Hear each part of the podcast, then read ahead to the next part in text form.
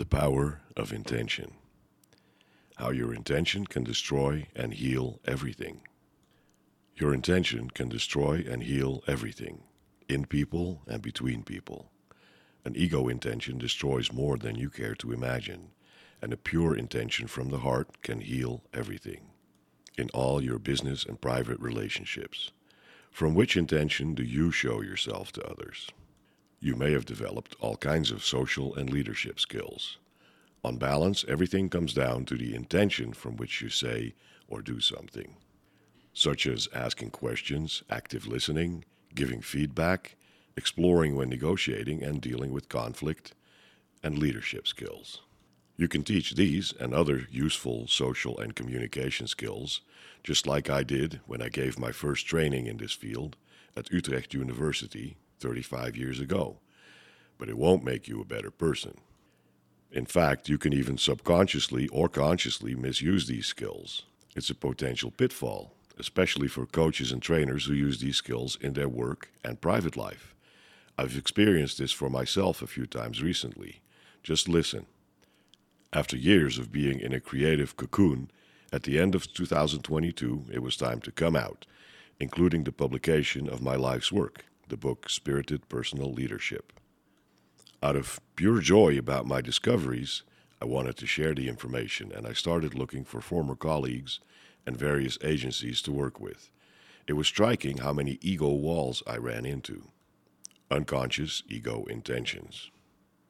For example, during a conversation with a former colleague who had read my book, I did not receive a single compliment, but instead only critical questions about it. Did you come up with that yourself, those five tasks for the soul? Answer, yes. What is actually new about your book?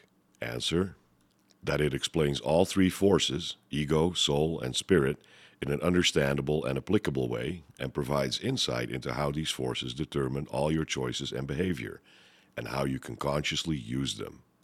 Apart from these questions themselves, I was particularly curious about the intention behind the questions. It seemed that the questioner's ego had more of a hold on them than they realized. By only negatively criticizing the other person, me in this case, you don't have to take them as seriously. In essence, you push the other person down to make yourself less miserable, which I call the seesaw effect in my new book. Pushing the other person down energetically, physically, emotionally, mentally, or spiritually in order to make yourself feel more elevated, and certainly not lower or less. Such an unconscious ego coup stems from five universal fears of falling short yourself, or of receiving or having received too little from the outside world. They are attention, love, being special or having added value, inclusion, recognition, or appreciation. How do these universal fuels affect your actions? The moment you meet and admire someone, you run the risk of unconsciously or consciously pushing them down, even with an open question that is technically fine in terms of form. Why? So that you don't feel inferior to them. From the fear of not being seen enough, you try to level yourself up by pushing the other person down. The moment your ego, unbeknownst to you, has taken the driver's seat, power games and greed take control of you so that you feel like you still matter and don't have to feel less valuable yourself. Your own physical, material, emotional, mental, or spiritual neediness take over. In this case, it would be the emotional need for equal appreciation or recognition. Do you think these are exceptions? I experience it to be more the rule that the ego has a much stronger influence on people, coaches, and trainers than is often recognized. In practice, Two weeks ago, I was discussing a possible collaboration with a temp agency. The founder, whom I was supposed to talk to, wasn't there, and two younger ladies took his place. I sat down and waited for them to introduce themselves, which never happened.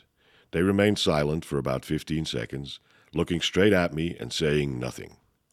I decided to break the silence and explained how I ended up there. At the end of my introduction, I was cut off, and one of the young directors said in a directive manner, we want to conduct the interview as follows.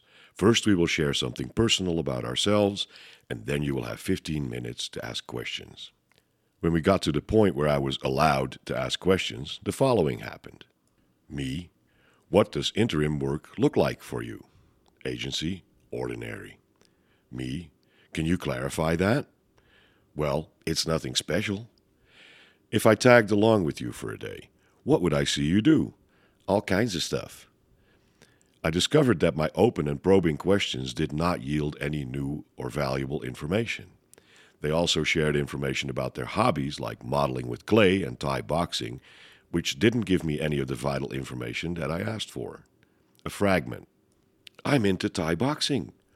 Me, oh, that's pretty cool, said with a positive tone of admiration of strength. The answer was, well, don't you think that's normal then? said in a henpecked way.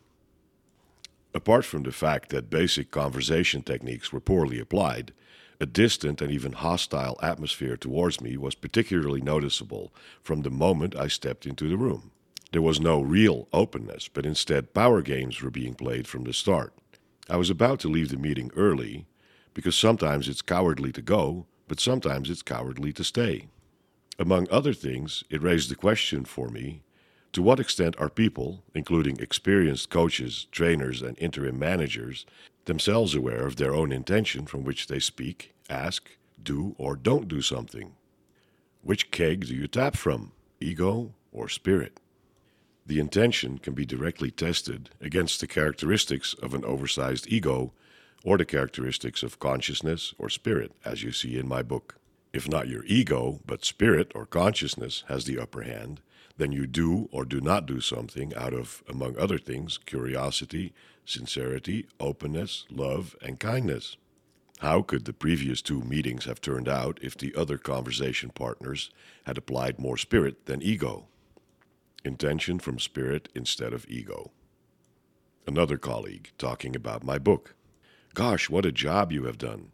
Can you tell me how did you come across the five tasks for the soul?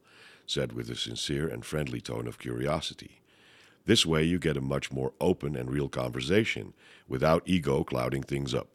As yet another colleague, who is a senior coach trainer, let me know, not from ego, but from spirit, I was fascinated. It is written in an inviting way, not pedantically.